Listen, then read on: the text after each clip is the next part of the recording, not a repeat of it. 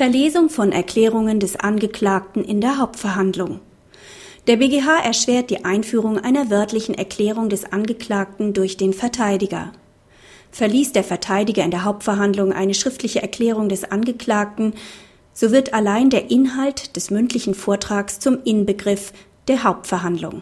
Dies hat der BGH in einer aktuellen Entscheidung ausdrücklich festgestellt. Praxishinweis. Um den mündlichen Vortrag auch für die Revision überprüfbar zu machen, empfiehlt es sich unbedingt, die zu verlesende Erklärung auch im Wege des förmlichen Urkundenbeweises in die Hauptverhandlung einzuführen. Allerdings hat nach Ansicht des BGH der Angeklagte keinen Anspruch darauf, dass die schriftliche Einlassung als Urkundsbeweis zugelassen wird